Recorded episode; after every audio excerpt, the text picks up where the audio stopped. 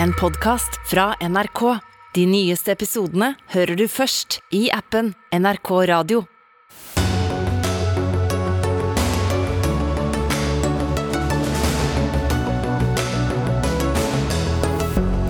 Norge bør ikke inngå noen ny handelsavtale med Kina når landet behandler uigurene slik de gjør, mener en menneskerettighetsforkjemper. Det, sier en Kina kjenner, er ren skyggeboksing. Helligdagene er tåpelige og utdaterte, mener lederen av Unge Venstre, som møter en djupt uenig finansminister til debatt. Det skal komme nye regler for homofile menn som vil gi blod.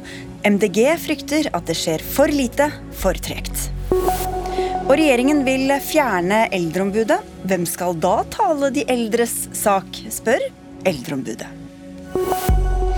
Vel møtt til denne inneklemte Dagsnytt 18-sendinga, hvor det også skal handle både om USA og Russland. Jeg heter Sigrid Solund. I ettermiddag har det vært markeringer utenfor den kinesiske ambassaden i Oslo og utenfor Stortinget. Bakgrunnen er Kinas menneskerettighetsbrudd mot folkegruppen uigurene. En rekke lekkede dokumenter og bilder viser svært inhuman behandling av uigurer i kinesiske fangeleirer, skriver Aftenposten. Adilian Abdurihim, du er styremedlem i Den norske uigurkomiteen og har vært aktiv der siden 2017. Du kommer hit direkte fra markeringene. Hvordan var det? Uh, ja, Markeringen som vanlig er ofte med, med opprop om å bli hørt. Og dessverre i Norge er vi ikke hørt nok. Uh, siden 2017 får vi bestandig fra regjeringen at de er bekymret men det kommer ikke handlingen. Og jeg tror nå er det på, på tide ikke være bekymret med å komme med konkrete handlinger. Vi har jo hørt om uigurene i flere år. Hvordan vil du beskrive situasjonen deres i Kina? Uh, situasjonen kan beskrives med et ord. Det er folkemord. Og det er ingen på en måte, unnskyldning på det. Det tok uh, tiden før vi ble trodd. Og kinesiske myndighetene brukte all midler og propaganda for å svartmale uigurene i utlandet. Men virkeligheten og avsløringen de siste avsløringene Og det er ikke det siste og eneste. Det er mange avsløringer som skjedde før. Og det er verdt å si at det er egne kinesiske offisielle dokumenter det er ikke det som vi påstår. Det er de dokumentene som eh, beviser på tortur, på uhuman eh, behandling av uigurene, som har ingen mulighet å beskytte egne rettigheter. Så de er rett og slett maktløse, håpløse. Og jeg håper at uh, all verden skal våkne opp og si fra og stoppe til den, det folkemordet. Kristoffer Rønberg, du er utenriksjournalist i Aftenposten, og dere har skrevet mye de siste dagene om eh, menneskerettighetsbruddene i Kina. Hva er det som har kommet fram nå i det siste? Som du sier, så har vi hørt om disse leirene i, i mange år, helt siden de dukket opp i, i, 2017. Men det vi har fått tak i nå, det er dokumenter som forteller mye om hvordan det ser ut på innsiden. Altså Vi har fått bilder som viser uh, hvordan vaktene forholder seg til fangene der. Vi har sett uh, over nesten 3000 uh, bilder av navngitte personer, altså portretter av folk som akkurat har blitt anholdt. som man ser Eh, man ser dem rett i, i, øynene like etter anholdelsen. Og så har vi taler fra partitopper som forteller vakter og andre i, i, regionen hva de skal gjøre med det de kaller lærlinger. Og Blant disse ordrene så er, så er et eksempel at partisjefen i Xinjiang sier at hvis noen prøver å rømme fra disse læringsanstaltene, som de kaller det, så er det lov til å skyte dem for å, for å drepe dem. Så det er mye som er nytt der som viser ting vi ikke har sett før. Men hvorfor er kinesiske myndigheter så ute etter akkurat denne folkegruppen? Dette er, Uigurene holder i hovedsak til i en, en, region som heter Xinjiang. Det betyr nytt territorium på, på kinesisk. Uh, det er et gigantisk landområde, fem ganger så, så stort som, som, Norge.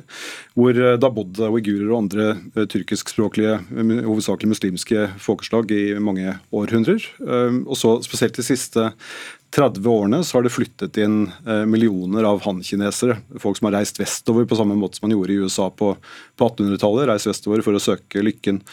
Og Det har ført til gnisninger mellom folkegruppene, og samtidig har kommunistpartiet forsøkt å befeste sin makt eh, mot da en del lokale protester og opprør, eh, terrorangrep fra, fra, militante grupper i, i Xinjiang. og Det har da ført til denne voldsomme eh, reaksjonen fra, fra partiet, hvor de har eh, plassert kanskje opptil halvannen million mennesker i leirer. Og hvordan framstiller de selv disse bruddene på menneskerettighetene? De har eh, først forsøkt å benekte at leirene eksisterte, og så dukket opp satellittbilder og etter hvert vitneavhør som, eh, som dokumenterte at, at, de eksisterte. Nå etter at vi publiserte disse dokumentene på, eh, på tirsdag, så, så, fikk vi et svar fra kinesiske myndigheter, og de sier jeg måtte skrive det ned så jeg får det ordrett. Regionen opplever stabilitet og harmoni, utvikling og velstand. Og lokalbefolkningen lever trygge, lykkelige og meningsfylte liv. Så de benekter alt det vi har dokumentert i, i de siste dagene nå. Og så er FNs menneskerettighetssjef på et eh, skal vi si, sjeldent besøk i denne regionen. For første gang på 17 år at en menneskerettighetssjef i FN besøker Kina. Hva er det hun får se der? Sannsynligvis så får hun se en, eh, en, en, veldig bearbeidet versjon av det som foregår. Eh, kinesiske myndigheter har hatt flere år på seg til å forberede dette besøket. Og Hun har selv sørget for å, for å, tone ned forventningene. Hun sa her for et par dager siden at eh, hun ikke er der for å etterforske. Så vi må nok regne med at vi har fått lære mer om hva som skjer på innsiden av disse leirene gjennom disse lekkasjene vi har kunnet publisere nå, enn hva Michelle Bachelet får, eh, får se mens hun er på denne turen i, i Xinjiang. Men hun skal holde en pressekonferanse i morgen, så da får vi se hva hun har å si da. Abdurrahim, du, du sa selv at du ønsket mer handling. Hva mener du Norge bør gjøre? Uh, vi kan begynne med veldig uh, enkle ting, tror jeg. Og det er å være vokale og ikke ha dobbeltstandard. Så når vi, vi fikk ikke til nå en uh, konkret uttalelse fra Utenriksdepartementet eller utenriksministeren. utenriksministeren prøver å unngå den fremmede aktivister. F.eks. Stolkenysa, han var på møte her. Eh, vi møtte UD, men eh, ikke utenriksministeren. Eh, det Avsløringene kom, også det er nesten fire dager nå. Og vi fikk ikke noen kommentar fra utenriksministeren eller lederen til utenrikskomiteen. Så det bare viser at den normaliseringsavtalen som vi har inngått, påvirker vår ytring, og det er en selvsensur. Når det kommer eh, litt, eh, litt, eh, litt en, en steg oppover, så det er Sikkerhetsrådet hvor vi kan ta opp den saken, fordi det er alvorlig. Vi vet at Kina har vetorett, men det må vises alvorligheten av det. At Kina kan ikke drive med det som de ønsker, og sette, plassere uigurene i Øst-Turkistan kun fordi de er potensielle ekstremister fordi de er kun potensielle eh, radikaler og terrorister. Den uh, avtalen du snakker om er altså den som kom i stand etter mange år med elendig forhold mellom Norge og Kina. Henning Christoffersen, spesialrådgiver i uh, Position Green og forsker ved Universitetet i Oslo. Vi har forsøkt å få utenriksministeren hit i dag også, det kunne hun ikke, men vi tror vi får henne her på mandag. Ja, ja. Men hvorfor er norske politikere så tilbakeholdne, i hvert fall noen av dem, da, med å kritisere Kina? Nei, De er i en uh, nærmest håpløs situasjon. situasjon.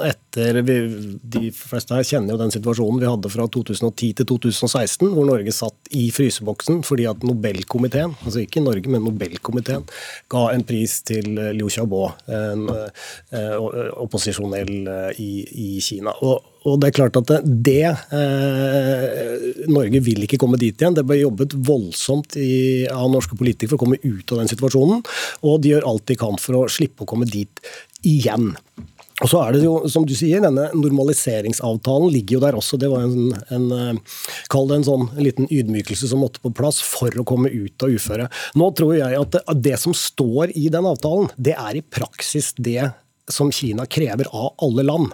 Så Norge måtte gjøre dette skriftlig fordi at man hadde denne, denne situasjonen. Så Norge er i en litt spesiell situasjon. Og så er det også en, en, tredje ting. det er at eh, Norge står alene. Vi er ikke medlem av EU. Det er ingen som eh, Og det fikk vi også veldig klart bevist i disse seks årene. Det er ingen som reiser seg opp for å hjelpe eller støtte Norge. Så det er en høy pris å betale for norske politikere ved å eh, være veldig vokale. da. i en sånn sak som dette her. Men Burde de vært mer vokale? Nei, jeg, jeg synes at uh, Det er ingenting i den normaliseringsavtalen som tilsier at man ikke skal være klar og tydelig på hva man mener om brudd på uh, grunnleggende menneskerettigheter. Så, så jeg syns at det, norske politikere de burde, de burde være si, og, si det de mener om situasjonen. Men jeg, selvfølgelig så er det åpenbart at det er krevende. Men jeg syns ikke det er noen grunn til å ikke være tydelige på, på, på denne saken her. Vi skal få inn en fjerde mann her, eller kvinne. Berit Lindemann, du er påtroppende generalsekretær eh, i Den norske Helsingforskomité. Dere må ta på dere øreklokker, tror jeg.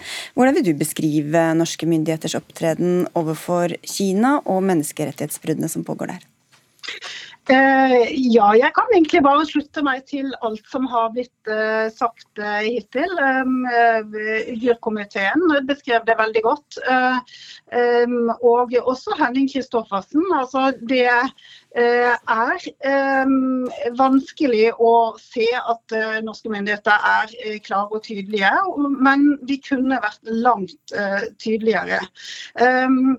Eh, Helsingforskomiteen er jo eh, grunnleggende sett for engasjement, og eh, det er vi også i dette, dette tilfellet. Men det må være et engasjement med vilkår. Helt tydelig utfordret på menneskerettigheter alene, og også sammen med andre nasjoner. Men en av grunnene til at det kanskje er litt stille, er jo fordi at de driver og forhandler en ny handelsavtale med Kina. og Da sier du at det ikke er smart å gå inn i en sånn avtale nå. Hvorfor ikke? Ja, altså Jeg har egentlig ikke sagt akkurat det. Jeg har sagt at eh, eh, dette er noe som eh, norske myndigheter nå må tenke nøye gjennom. Eh, hvis man skal fortsette med en frihandelsavtale, så må det i alle fall være med helt tydelige vilkår som knyttes til menneskerettighetene. Eh, dette er en avtale som ble påbegynt diskusjon om eller forhandling om allerede i 2008, som ble lagt på is. og Siden 2017 så har det vært i, i gang igjen. Av eh, elementene der er arbeidstakerspørsmål som skal komme i en tilleggsprotokoll. Men det er også andre spørsmål som kan tas opp. Eh, domstolenes uavhengighet, som også er helt nødvendig for norske næringslivsinteresser, som hvis man skal gå inn på en frihandelsavtale. Eh, og så er det transparens. Kinesiske myndigheter, det var vi var inne på dette med Michelle Bachelet, som er nå i Sangyang-provinsen. Hun har jo bedt i, i, i lang, lang tid å få komme til der. Eh, og vi vet at det er veldig kontrollert, den adgangen som har. Full adgang for eh, FNs eh, rapportører og forskjellige institusjoner er en selvfølge. Nå vet vi ikke hva som blir innholdet i denne avtalen, men Henning Christoffersen, er det verdt det? Det er et godt spørsmål. Eh, det er, det er jo svært krevende. For på den ene siden så er Kina, eh, når det gjelder import, så er Kina det landet det i verden som vi importerer mest fra. Det har gått veldig opp de siste årene. Nå har det helt sikkert med pandemi å gjøre, men likevel så er trenden den veien. Eh, når det gjelder eksport, så er så er Kina ganske lite for Norge, faktisk. Over 70% av eksporten går til Europa. 15 til Asia, og av det igjen så er det kanskje om det det kanskje 3-4% som går til uh, Kina. Så det er ikke noen stort uh, fastlandseksport som, som, uh, som, går til Kina. Men likevel så er Kina en veldig viktig handelspartner for oss. Så det er klart at det, det er logikk i at man ønsker å ha et rammeverk hvor du kan møte kinesere og snakke med kinesere. For vi er i en tid nå som dette her også er et helt klart bevis på. Det er stort behov, kanskje aldri vært større for å analysere og forstå det som faktisk skjer i Kina. Og det å ha noen møteplasser med kinesere, og igjen, spesielt her, da, fordi vi er ikke medlem av EU, vi har færre arenaer, faktisk. Og da er det for meg Det kan være grunn nok til at man skal gå for en frihandelsavtale. Men for all del, det er særs krevende sånn som situasjonen er nå. Kristoffer Rønbeck. Ja, Det med møteplasser er jo helt, eh, helt sentralt. Og, men noe av utfordringen ved en sånn uh, forhandling som Norge er, er, med i nå, er at verden går i, i, i, en mer eh, polariserende retning. At USA og Kina trekkes i hver sin retning. Og Når det gjelder den normaliseringsavtalen som Norge og Kina har inngått, så står det veldig tydelig der at Norge skal gjøre alt som er mulig for å ikke provosere kinesiske myndigheter igjen. og Det vil jo selvfølgelig legge bånd på en del politikk der. Og USA vil nok helt sikkert ikke se lys på uh, hvis Norge skulle, uh, skulle inngå frihandelsavtale med Kina akkurat nå. Jeg skal eh, være veldig kort eh, om frihandelsavtale. Det som må huskes, er at kinesiske myndighetene respekterer ikke internasjonale eh, lov. Og, der Hongkong er et godt eksempel, eller Australia med frihandelsavtalen. Og så aller viktigste som må huskes, at, og det er signaler og bekymringer fra næringslivet, er tvangsarbeid. Og frihandelsavtale det skal bare gjøre det lettere at uh, mange bedrifter, norske bedrifter til og med, skal være ikke fritt fra uh, tvangsarbeidet.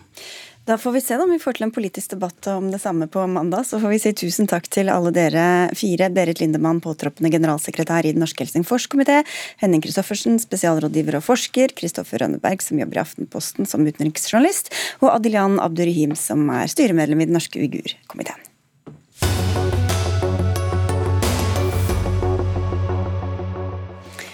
Hva skal vi med helligdager? Det spørsmålet ble stilt i Nettavisen i går på selveste Kristi himmelfartsdag og satte fyr på internett. Alle de røde dagene bør fjernes, eh, sier du Anne Breivik, du er leder i Unge Venstre. Hva er problemet med at vi har disse felles fridagene? I år så er det jo ti år siden Stortinget vedtok vedtok å skille stat og kirke, men skilsmissen er ikke helt fullbyrdet. I dag så har vi helligdager som kun er forbeholdt den kristne tro. Vi mener at disse dagene de bør heller overføres til feriedager, og så kan folk velge hvilke høytider eller helligdager de har lyst til å markere. Det er ikke noe staten skal pålegge arbeidstakerne eller tvinge deg til. Du sier at det er utdatert og tåpelig, men hvorfor er det utdatert og tåpelig å ha påskefri og julefri så alle kan samles litt og ha fri samtidig?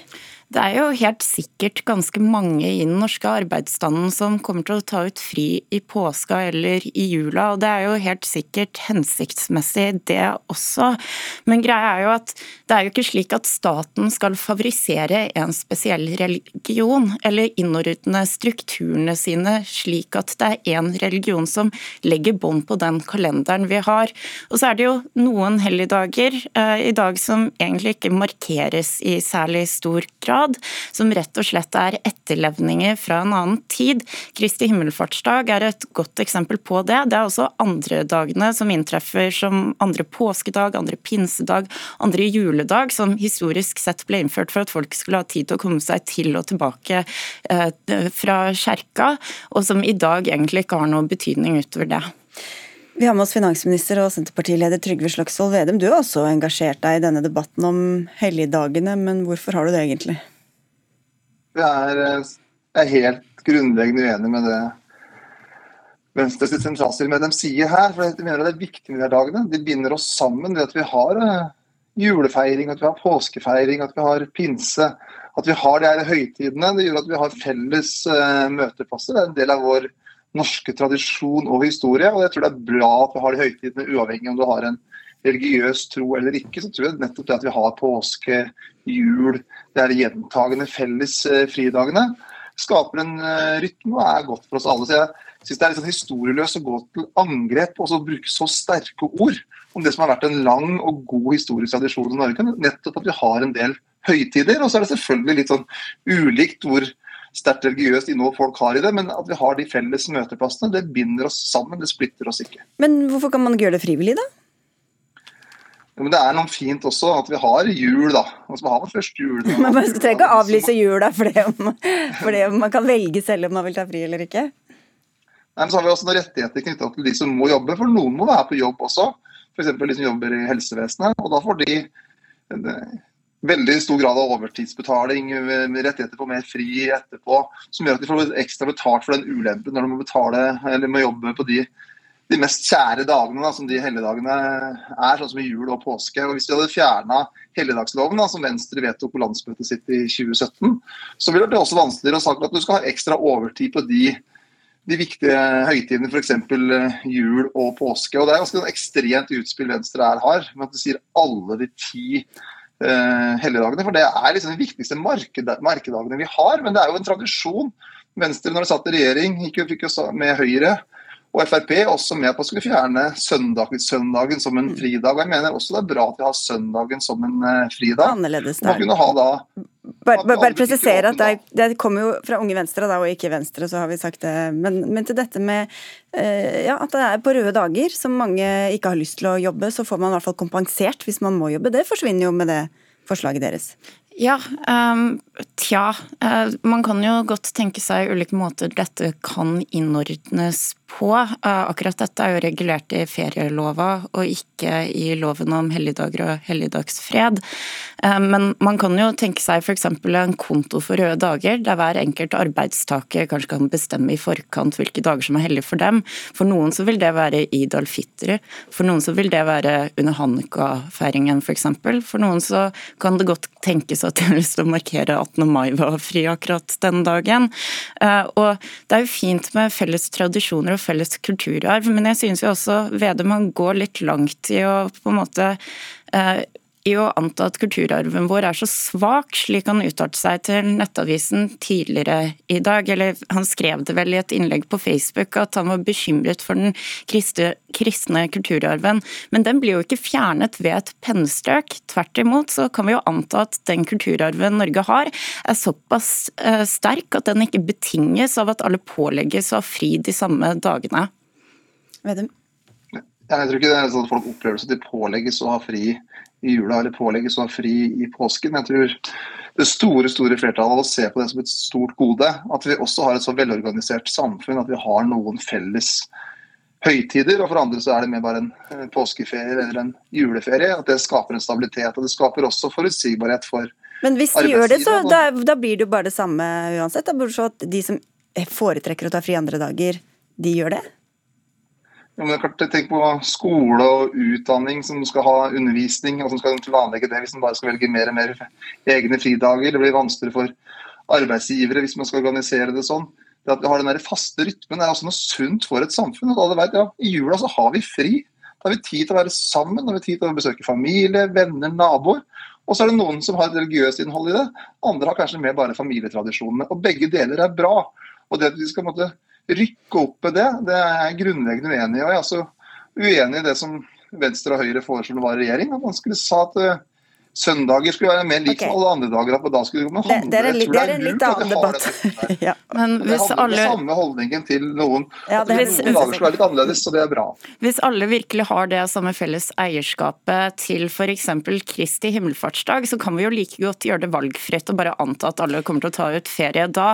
Og så vil jeg påpeke at skolene, altså skoleruta er jo bestemt i fylkeskommunene, i kommunene. Og det så man jo også nå med Kristi himmelfartsdag, at det er enkelte skoledistrikter der man har valgt å ha fri på inneklemt fredag. Det er det jo ikke sikkert foreldrene får, f.eks. Men hvis vi tilpasser eh, frien som, altså feriedagene til foreldre, slik at de kan ta det ut slik det passer dem og deres familie best, så tror jeg også at vi gir litt mykere overganger for de familiene som kanskje sliter med å tilpasse seg akkurat slike situasjoner der du får en innklemt fredag. Da. Ja, Disse inneklemte dagene er i hvert fall ikke noe stor gave til oss som driver med direktesendinger. Det kan jeg i hvert fall eh, si. Og du pleier jo, eh, Vedum, ikke å være så opptatt av eh, alle som sitter på kontor og har fleksible jobber, men det er jo de som får glede av disse inneklemte dagene? Men jeg tror det, er, det er ikke bare de som sitter på kontor som får glede av at du har eh, påske og jul. Det er jo alle som får det. Nei, men til de, inne, da til de inneklemte dagene snakket vi om nå, da. Jo, jo, men sånn, sånn, det er jo ikke noe Sånn som jeg har jobba i dag, det er ikke noe stor krise. Da. Det er fri i går, og så jobba jeg i dag. Og, og Sånn er det for mange andre. Noen måtte også jobbe i går, men de som måtte jobbe i går, de får da ekstra betalt for det. Og Det har vært en fin ordning for oss alle. Så det er noe med at hva, Hvorfor skal vi røkke opp i alt? Og denne liberalismen som nå Solsvik og Venstre og Venstre står for her, den skaper ikke stabilitet, den skaper ustabilitet. Og jeg tror det er bra for et lite land som Norge at vi har noen tradisjoner, noen historiske høytider. Vi, vi holder på dem. Så er det selvfølgelig sånn at ikke alle har en trosdimensjon til det, men det gjør også at du forstår mer av hvilket samfunn du lever i. Hvis du forstår hvorfor feirer vi påske, hvorfor feirer vi pinse, hvorfor feirer vi jul. Uh, og så kan man eh, legge ulikt innhold i det, men at vi har noen felles møteplasser. Ja. Okay, det var ikke Solsvik, det var Breivik. Nei. Solsvik var leder i Unge Venstre for tolv år siden. Men jeg, jeg, tror alle forstår hvilket land vi bor i, og vel og fint er det. Men jeg syns også vi kan stille det prinsipielle spørsmålet. Hvis vi skulle innført uh, helligdager i dag, ville alle kun vært kristne helligdager? Det tror jeg ikke. Jeg tror men det er jo den tradisjonen vi har, da. Ja, det er den tradisjonen vi har. Og det er sikkert ganske mange som kommer til å markere den tradisjonen ved å ta ut ferie på akkurat de dagene. Men igjen så trenger vi ikke pålegge alle arbeidstakere å gjøre det. Da var vi tilbake til utgangspunktet. Ja, ok, En siste kommentar, Vedum. Det, det er samme holdningen eh, de også har til monarkiet. At man, hadde man innført i dag, men Poenget er at vi har monarkiet, vi har noen helligdager, vi har noe som binder oss sammen. og Det er et gode, ikke et, eh, et onde. Og, det, og Derfor håper jeg at eh, det standpunktet der er det som får gjennomslag i mange mange år til. Takk skal dere ha begge to, finansminister Trygve Slagsvold Vedum og Ane Breivik, som hun heter da, lederen av Unge Venstre i dag.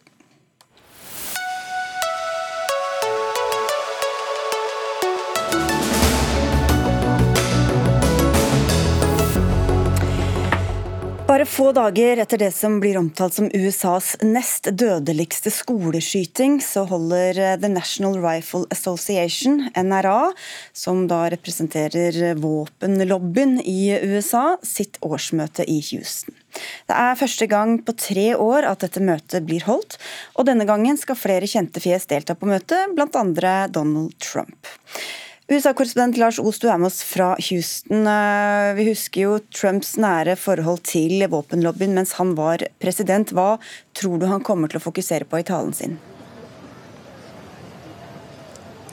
Nei, Det får vi jo for så å vente, for Donald Trump eh, han eh, har jo et behov her for å markere seg mot de eh, tusenvis av folka som er her. For sannsynligvis så er jo det en del av basen hans.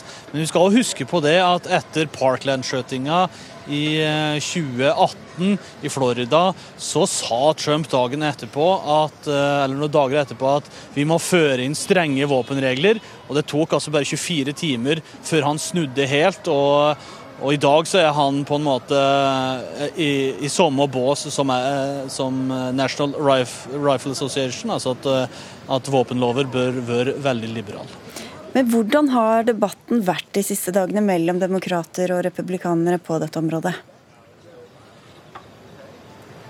Altså, jeg tror ikke det har vært noe særlig debatt, egentlig. Det eneste vi har hørt, er det at Eh, du har uh, høyresida, den republikanske sida. Altså egentlig de få uh, politikerne som har uttalt seg, da mener at det er mye mer snakk om mental helse enn om adgangen til våpen, mens demokratene har vært veldig vokale og sagt det at nå må vi virkelig få inn de her reglene for å gjøre det vanskeligere Eh, for gjerningsmenn å få tak i våpen. Eh, og så er det snakk om at nå begynner de å snakke, snakke egentlig sammen og diskutere oppe på Capitol Hill i, i Washington DC, men enn så lenge så har vi ikke sett noe av det ennå. Eh, Sofie Høgestøl, førsteamanuensis i rettsvitenskap ved Universitetet i Oslo. Det er jo de samme kravene og de samme svarene vi har hørt i mange år. Det blir nærmest rituelt det her, eller? Ja, det, det, er jo slik at uh, ting har jo ikke endret seg. Jeg satt jo her i studio i fjor i mars etter en uh, masseskyting i Colorado. og Da var det jo akkurat samme debatt. Uh, hva kan vi gjøre? Er det noe politisk flertall her som kan stramme inn våpenlovgivningen i USA? Det eksisterte ikke da, det virker heller ikke å eksistere nå. Jeg tror at et lenger, Hvis vi tenker litt lengre perspektiv her, da, så var det jo slik at på 90-tallet, da man fikk en del disse første store massedrapene, med bruk av uh, våpen, av den type våpen, så fikk man på plass et, et knapt politisk flertall i Kongressen som vedtok en innstramning i denne type assault rifles, sånne semiautomatiske våpen. Eh, men den hadde en innebygd klausul som gjorde at den ble opphevet automatisk etter ti år hvis den ikke ble fornyet. Og Det skjedde i 2004. og Da var det ikke et politisk flertall for å fornye den. Obama ønsket å få den fornyet. Eh, det gjorde også Biden som visepresident, og Biden sa i fjor at jeg ønsker å fornye den nå som president. Men det er rett og slett ikke nok stemmer, han har ikke nok stemmer bak seg i Kongressen til å gjøre det. for det er jo ikke, Han innrømmet jo i går at han har ikke så mange virkemidler her som president. Dette er et spørsmål for Kongressen, og det er til dels fordi at retten til å bære våpen er grunnlovsfestet i USA. Men hvordan har det eh, lovverket da, som ble i første rekke eh, utformet for veldig mange år siden, hvor godt passer det til dagens eh, virkelighet og med den utbredelsen av våpen som er i USA? Vel, altså, Denne konkrete våpentypen som han brukte i går, ville da ikke vært lovlig på den måten. Sant? Vil ikke kunne gått og kjøpt det som 18-åring eh, i en vanlig butikk som det han gjorde. Men det er jo hele debatten. Sant? Du har en del replikanere som sier at de tiltakene som demokratene ønsker, som går på da å forby viss type våpenklasser og ha strengere bakgrunnssjekker, den type tiltak, at det kommer ikke til å treffe på en del av disse masseskyterne. De kommer til å få tak i våpen uansett. Eh, og de kommer ikke til nødvendigvis, selv om de ikke har gjort noe straffbart før, bli fanget opp av den type bakgrunnssjekker. Så de mener jo at det ikke, er, det ikke vil ha en reell effekt. Mens demokratene sier selvfølgelig eller begrenset tilgang på våpen vil ha en reell effekt på sånne saker. Lars Os, dette veldig dystre bakteppet med den skoleskytinga, hvordan påvirker det programmet og stemninga på møtet i Houston? Ja, nå ser vi, iallfall jeg kan se her nå bak meg, at uh, deltakerne begynner å komme inn. Og så har du en del demonstranter på andre sida som Eh, ja, er ganske, vel, ganske sint, kan vi si, på, på deltakerne på eh, NRA. Men eh, så langt så er det ikke så mye endring i programmet. Det eneste store er at Texas-guvernøren Greg Abbott han har meldt forfall fysisk. Han skal til Juvalde og, og ha en ny pressekonferanse i dag, men han kommer med en videohilsning. Og så er det et par av musikerne som skulle ha eh, fremført eh, noen småkonserter her. De har òg takka avbud, men ellers eh, så ser det ut som at NRA sitt årlige møte kommer til å gå som planlagt. Det går som planlagt, Sofie Høgestøl, og det politiske flertallet er jo som det er, men har de folk på sin side? Nei, altså Det er jo en del studier som viser at et flertall av amerikanere støtter begrensninger i denne retten til å bære våpen. Um, men så er det jo ikke noe politisk flertall bak en del av de løsningene. Uh, og Faktumet i dag er jo at det vi ser nå, er at en del eh, amerikansk høyesterett sitter nå og behandler en større våpensak fra New York. eh, hvor vi antar at noen uker så kommer de ut med en dom som vil faktisk utvide retten på noen områder til å bære våpen. Så sånn, Den juridiske dragkampen akkurat nå går jo den andre veien hvis den høyesterettsdommen blir sånn som man tenker den blir, med dette nye konservative flertallet som Trump var med å få inn i Høyesterett. Hva er det som ligger i den eh, dommen, da? Den saken handler om uh, en uh, lov i New York som går på hvor du kan bære våpen og hvor du ikke kan bære våpen. Hvor ut ifra de muntlige høringene de har hatt i saken, så virker det som om dette nye konservative flertallet i amerikansk høyesterett kanskje mener at den loven som har vært der lenge, går for langt i å begrense denne rettigheten som står i den amerikanske grunnloven om å bære våpen. Så da er, det, da er vi tilbake til det som er kjernen i disse store kulturkampene i USA, som er abort, som er våpenlovgivning. Det, er, at det må løses gjennom politiske mekanismer som akkurat nå er helt fastlåse og ikke helt greier å ta tak i de problemstillingene. Og da blir det jo at det blir sånne type skyggekamper i rettssystemet, hvor det blir amerikansk høyesterett som må avgjøre en del av disse grensesetningene. Takk skal du ha, Sofie Høgstøl.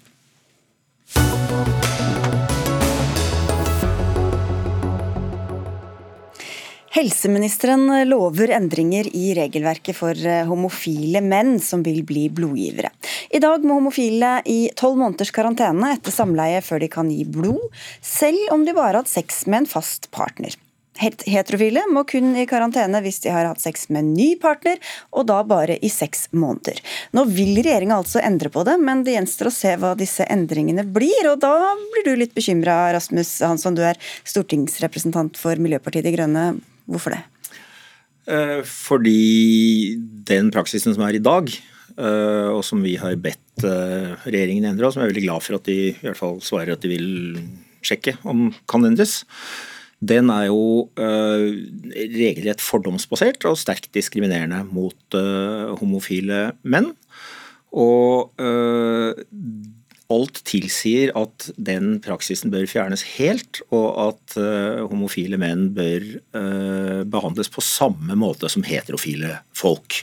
Uh, det er etter alle solemerker trygt nok, og det har de allerede satt i gang med i Canada, Storbritannia og andre steder. Men det Kjerkol henviser til, er Sverige og Danmark, hvor de fortsatt har en sannsynligvis urimelig streng og ikke likeverdig praksis mellom homofile og andre, og det syns vi er et uh, utilstrekkelig signal. Men det er jo begrunnet i um, sikkerhetshensyn, altså muligheten for at det faktisk ikke skal være trygt å få det blodet. Hvorfor skal likebehandling trumfe potensielt sikkerhet? Likebehandling skal ikke trumfe sikkerhet, men uh, det som i hvert fall er kjent av uh, forskning og erfaringer nå, tilsier at det er godt rom for likebehandling. Og når altså forholdsvis siviliserte land som Storbritannia, Canada med fler eh, har lagt seg på ren likebehandling, eh, både i spørsmål og spørsmålsstilling og karantenetid,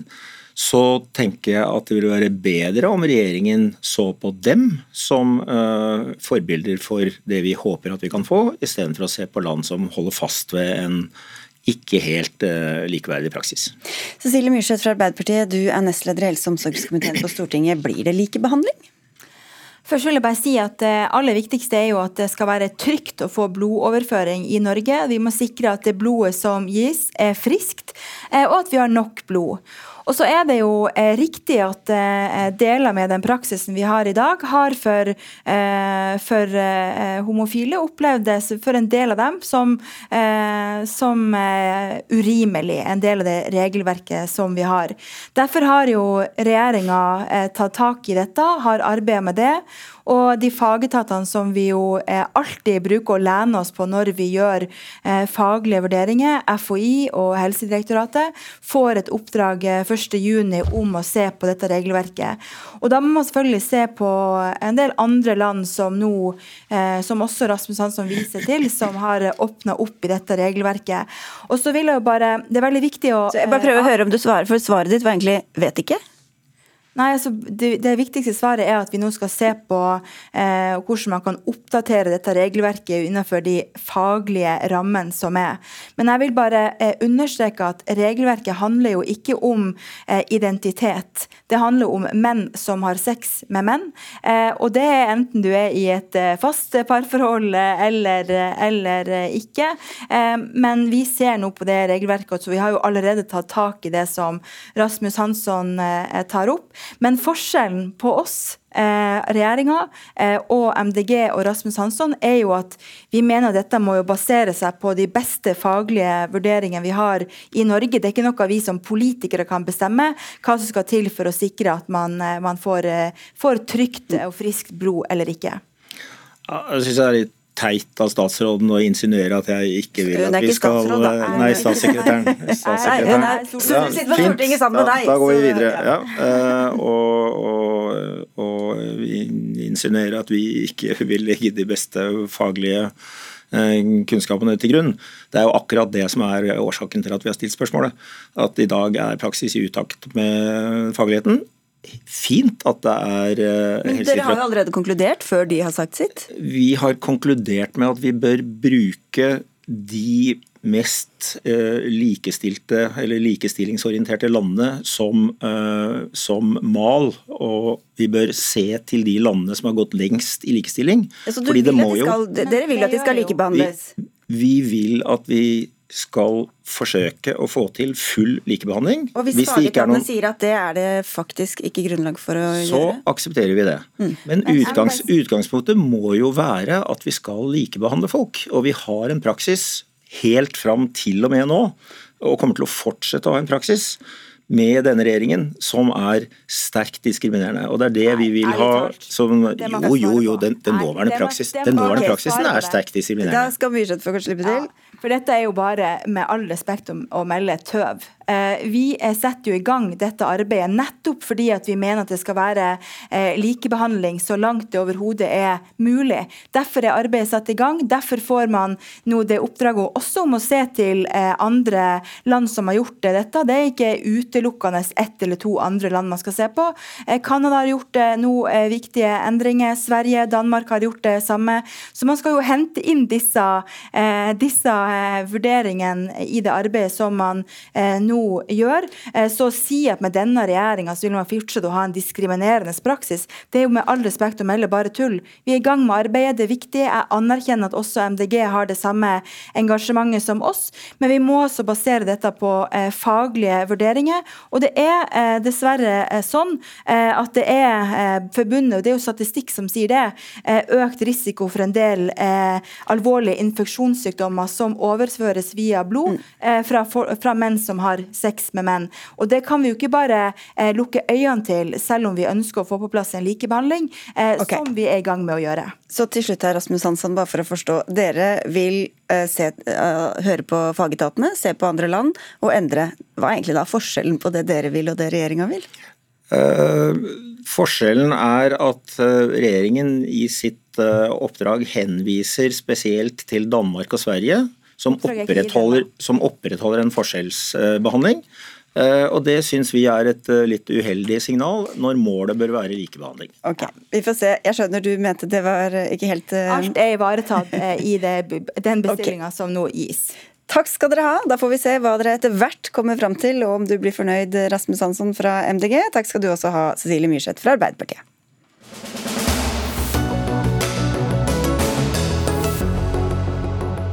Neste år skal ikke Norge lenger ha noe eldreombud, hvis regjeringa får det som den vil. Saken ble kjent da revidert nasjonalbudsjett ble lagt fram eh, i forrige uke, eller for to uker siden. Denne uka fikk helse- og omsorgsministeren kraftig kritikk om saken fra opposisjonen i Stortingets spørretime.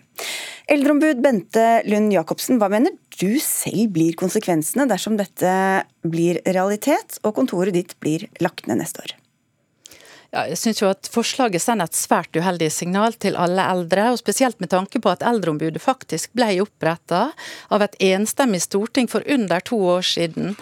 Eh, eldre sin interesse er viktig for samfunnet vårt, og det skulle bare mangle om ikke vi fortsatt skal ha et eldreombud på plass. Men Hva er det dere gjør som du mener det fortsatt er behov for? Vi ser på eh, eldre sine interesser på alle områder. Vi er som ei vaktbikkje og en eh, trekkhund. Vi passer på eldre sine rettigheter. Og, eh, og, vi ser også på veldig mange utfordringer i samfunnet når vi nå blir veldig mange flere eldre etter hvert.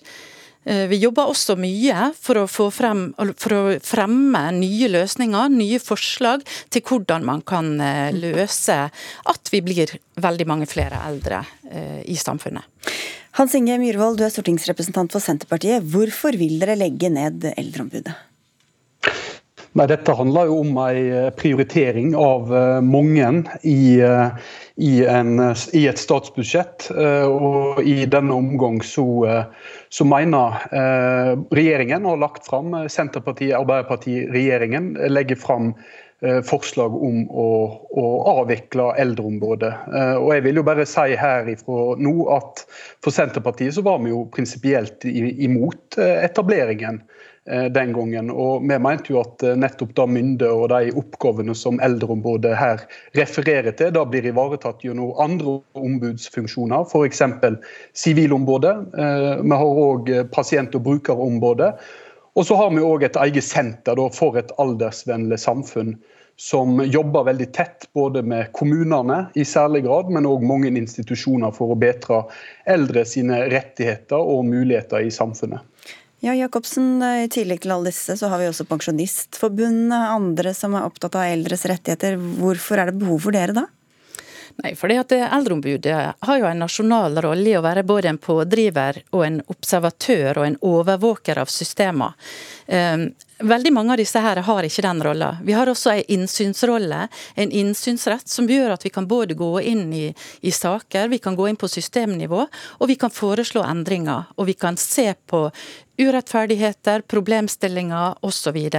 Og vi løfter jo alle disse her sakene inn til myndigheter, beslutningstagere øh, på nasjonalt nivå, og øh, fremmer interessene på en helt annen måte enn organisasjonene. Og det skal sies også at organisasjonene har faktisk jobba veldig mange år for å få på plass et eldreombud, bl.a. Pensjonistforbundet. Ja, og Myhrvold, det er ikke sånn at selv om det er mange andre organisasjoner som er opptatt av barns rettigheter, at dere legger ned Barneombudet av den grunn?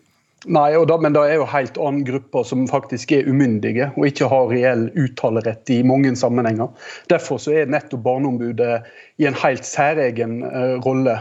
Uh, og helt avgjørende Men Likestillingsombudet, da? Dere skal ikke legge ned dem heller, eller?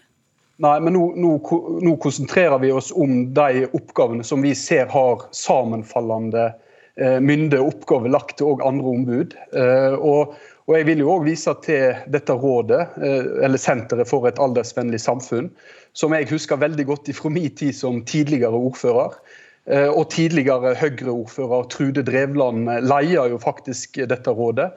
Eh, og var veldig, veldig på ballen i forhold til å ta opp aktuelle problemstillinger, men òg muligheter for eldre i samfunnet. Og da opplever jeg i stor grad eh, blir gjort av deg. Så da at en ikke, og har Alle kommuner er pålagt etter lov til å ha et eldreråd.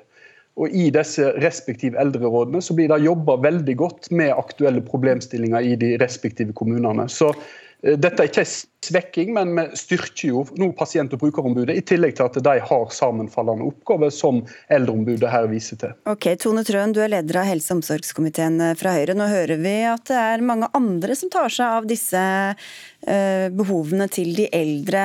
Hvorfor mener du da at det er så virkelighetsfjernt, som du har sagt at regjeringa vil legge ned Eldreombudet? Nei, Jeg mener det både er helt uforståelig eh, og nitrist at man ikke Ja, det er jo ikke prioritering, som Hans Inge Myhrvold sier, det er en nedprioritering. Eh, eldreombudet har en veldig viktig oppgave eh, i å sikre og følge opp at alle, alle samfunnsaktører ivaretar eldres rettigheter. Eldre er ikke kanskje de som går mest i demonstrasjonstog eller, eller protesterer. Eh, Eldreombudet har en veldig viktig eh, rolle i å være deres talerør eller vaktbikkje og trekkhund, da, som Eldreombudet sa. Og jeg, jeg, kjøper ikke argumentasjonen om at vi har andre ombud som kan ivareta det. Eldre er mye mer enn pasienter. Eh, så det å f.eks. si at man skal styrke pasientombudet, vil være noe for å imøtekomme at man nedprioriterer Eldreombudet, det, det mener jeg er helt feil. Eh, eldreombudet har, eh, har, tre kjempeviktige satsingsområder. og Det er helse og omsorg for, foreldre. det er arbeidsliv og deltakelse, og det er digitalisering. Og Dette er kjempeviktige spørsmål som er viktige for en befolkning som vi nå er, som blir stadig eldre, og hvor eldre skal spille en viktig mm. rolle. Mm. Myhrvold, det å legge oppgavene, eller mange av dem i hvert fall, til pasientombudet, hva sier det om synet på eldre, og synet på eldre som ressurs i samfunnet? Nei, vi, vi, vi, legger ikke nye oppgaver til dem. Det vi ser er at De allerede har mye av de sammenfallende oppgavene som Eldreombudet har. Og Så skal vi passe oss litt for å, å starte en sånn ombudifiseringsmodell i samfunnet. At alt som ikke blir håndtert, så har vi ombud for å løse enhver av de utfordringene. Vi har jo et felles ansvar eh, alle, i alle samfunnslag for å jobbe for et tilrettelegging i, for, for, eldre. Både i muligheter, men òg i det utfordringsbildet som vi lever i. Så, og Når jeg sier prioritering, ja, så prioriterer vi faktisk å ikke drive en pulverisering av ansvar, men legger det til pasient- og brukerombudet sammen med Sivilombudet med flere som har tydelige rammer for sitt arbeid, og er sammenfallende med Eldreombudet sitt mandat fra før av. Trøn. Eh, nei, det er altså sånn at uh, Hvis vi er opptatt av at eldres stemme skal høres, så, så er jeg også enig med Hans Inge Myhrvold i at det er veldig viktig at vi har aktive eldreråd. Men vi skal være klar over at vi egentlig har et slags demokratisk underskudd når det gjelder eldre. Det er få av de som deltar i de folkevalgte organene, f.eks. Og Eldrerådet har jo ikke alle steder møte og forslags- og talerett i de demokratiske eh, valgte organene heller. Jeg mener at Eldreombudet har en helt særskilt rolle, eh, og jeg var veldig glad da det ble oppretta for, for under to år siden. Det var et enstemmig storting, også Senterpartiet stemte for dette i Stortinget. Og jeg har veldig stor forståelse for at folk mister litt eh, forståelse for hva politikere driver med når det går så kort tid, og så ombestemmer man seg og avvikler noe som mange har jobbet for i mange år, og som det er behov for. Men eldre er vel like forskjellige de som alle andre folk? Hvor mye har man til felles bare fordi man er over 70 f.eks., utover at man er i samme alderssegment? Eldre er veldig ulike. Eh, veldig ulike. Eh, men det er jo ikke det som er Altså, Eldreombudet har en helt særskilt rolle. Fordi de, som Eldreombudet selv sa, de, de kan søke innsyn. Eh, de kan passe på, påtale, både være i forkant, men også eh, arrestere etterpå. Dersom de ser at samfunnsaktører eller politikere eller beslutninger som fattes, ikke er i tråd med det vi ønsker, f.eks. i et aldersvennlig samfunn. Jeg mener at vi trenger denne vaktbikkjen og trekkhunden, eh, og at Eldreombudet er viktig. Jacobsen, hva kan skje hvis dere blir lagt ned? Nei, da mister eldre et av sine store talerør. Det er en sterk stemme vi har. Og eh, jeg syns jo det er viktig at den stemma får komme frem men dere sammenligner med Barneombudet f.eks. Barneombudet er viktig. De har sine aktører rundt omkring i landet, eller det finnes aktører rundt i landet som jobber med barn sine rettigheter, utenom Barneombudet. Og Det samme gjelder jo eh, også Eldreombudet. Og Det er jo veldig viktig for oss at vi sørger for at de som har et ansvar, skal ta et ansvar. Og så er ikke alle eldre syke, det må vi huske på. Og Pasient- og brukerombudet er, det er veldig viktig eh, rolle. Men flesteparten av eldre er friske, og de trenger også et talerør. Veldig mange eldre ringer til oss og spør hvordan kan vi bidra til at vi får beholde Eldreombudet. Og det er ikke få som har kontakta oss i det siste om akkurat det. Myhrvold? Ja, nei, jeg, jeg, har absolutt ingenting å utsette på jobben Eldreombudet har, har gjort. Eh, og og så eh, mener vi eh, strategisk at den jobben, og apropos disse vaktbikkjene som, som Tone Trøen viser til, jeg mener at da bør absolutt dette kan jo være med å passifisere og langt på vei mange kommuner og samfunnslag i arbeidet og legge til rette for et aldersvennlig samfunn. Her må vi sammen løfte dette. Jeg mener òg at eldrerådene har en helt vital og uunnværlig funksjon i, i å legge til rette for uh, gode løsninger. Uh, og, og, og, gode løsninger da trenger ikke være likt over hele landet. Det kan være ulike behov, ulike utfordringer i hver enkelt kommune. og Derfor så mener vi at eldrerådene Eldrerådet her har en, en viktig funksjon. Men, men, Det er sikkert mye som kan skje på lokalplan, men hvem skal passe på at det som skjer på nasjonalt plan faktisk skjer, som kan gagne alle eldre? Nei, og Da har vi jo nettopp dette senteret for et aldersvennlig samfunn.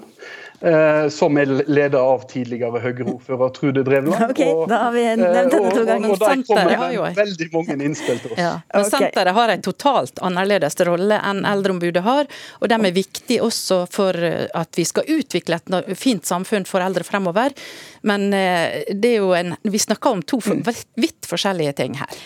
Og Så får vi se da, om det blir flertall for dette på Stortinget eller ikke. Takk skal dere ha alle tre. Hans Inge Myhrvold, stortingsrepresentant fra Senterpartiet. Tone Trøen, stortingsrepresentant for Høyre. Og Bente Lund Jacobsen, som altså er eldreombud inntil videre, i hvert fall.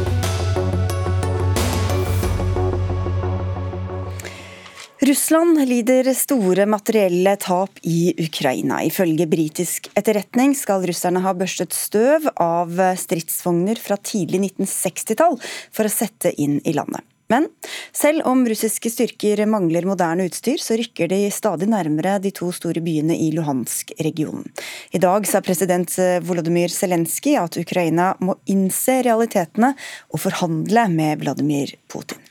Tom Røseth, du er eh, hovedlærer ved Stabsskolen. Hvorfor tror du han ønsker å forhandle nå?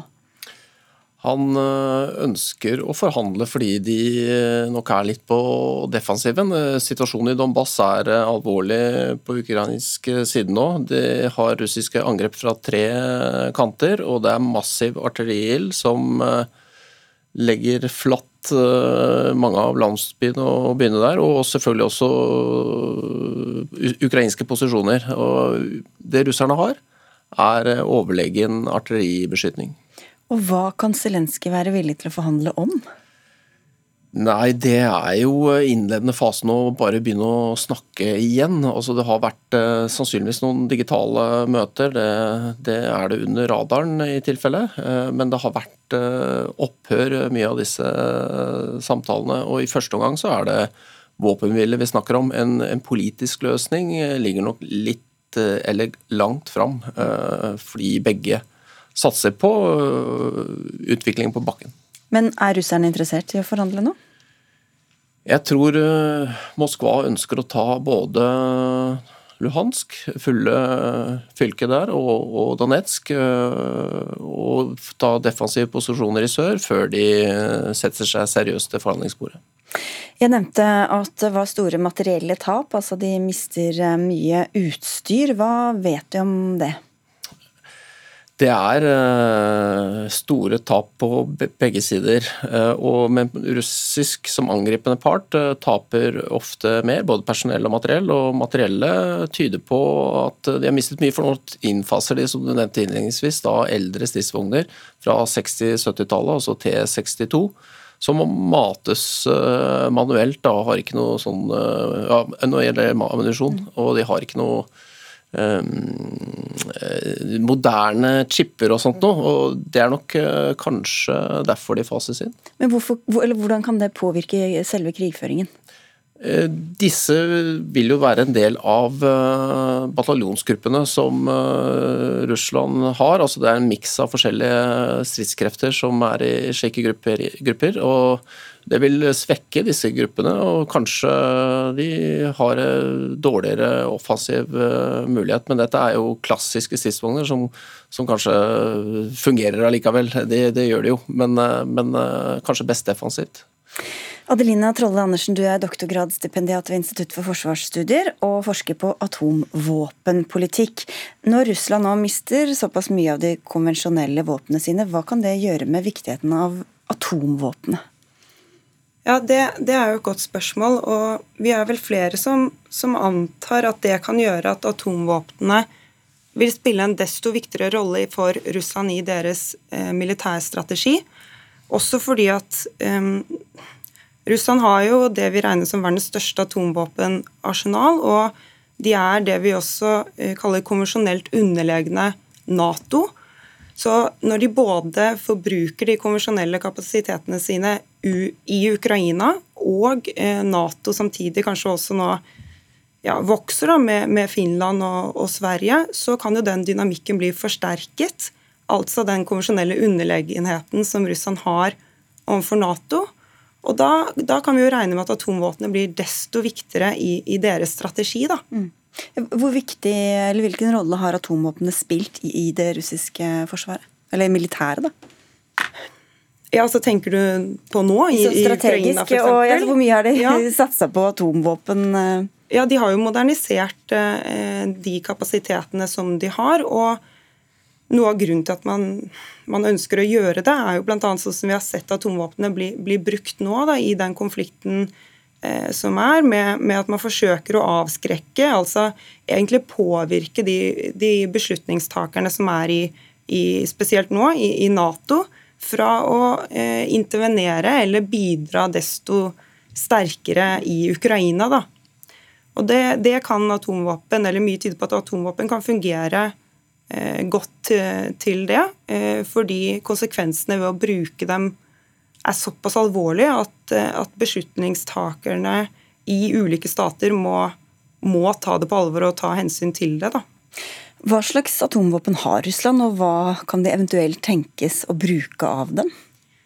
Ja, altså de har det, det, er jo veldig vanlig å skille mellom strategiske og taktiske atomvåpen, og de har begge deler. Eh, de taktiske er eh, Det tenker man gjerne på som de våpnene som har kortere rekkevidde og som gjør eh, mindre skade enn de strategiske. De gjør fortsatt eh, Så kan de gjøre stor skade.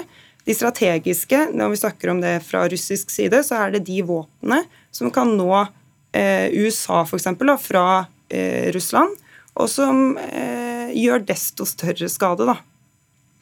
Tom eh, Røseth, utenriksminister Sergej Lavrov hevdet i dag at Vesten har erklært full krig mot Russland. Er dette det samme som er blitt sagt før, eller er det et større alvor over det nå? Han syntes å fortelle dette med i hvert fall stort alvor. Og at det er en kulturell krig, altså at krigen er liksom mer bredere. Så, sånn sett så kan man legge Sånn som man la, la mer i det. Altså at hele Vesten nå begynner å boikotte russisk kultur og litteratur og sånne ting, som, som, gjør at dette er eh, noe Lavrov eh, mente er en, eh, en, en full krig. Et veldig kraftig begrep. Så vi skal nok tolke det litt i frustrasjon over at verdens reaksjon er sterk. Men eh, Adelina Andersen, hva skal til eh, for at Russland skal legitimere bruk av atomvåpen, når vi hører hvordan de snakker mm. nå også? Ja, eh, det de selv har uttrykt i en sånn offisiell atomvåpendoktrine, er at statens eksistens må være truet.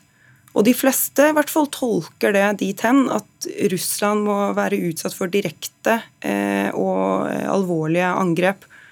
Og der eh, er vi jo ikke nå, men, men, det er jo den, når man først følger med på retorikk, så er det jo den retorikken f.eks. Man, man følger med på, da, om den beveger seg i den retning eh, av å eh, legitimere eksistensielle eh, trusler. da. Takk skal dere ha, begge to. Adelina Trolle Andersen eh, fra Institutt for forsvarsstudier og Tom Røseth, hovedlærer ved Stabsskolen. Dagsnytt 18 tar eh, helg, vi også. Anne Katrine Førli hadde ansvaret for innholdet i sendingen. Jens Jørgen Dammerud var teknisk ansvarlig. Jeg heter Sigrid Solund og ønsker en god helg til alle lyttere og seere.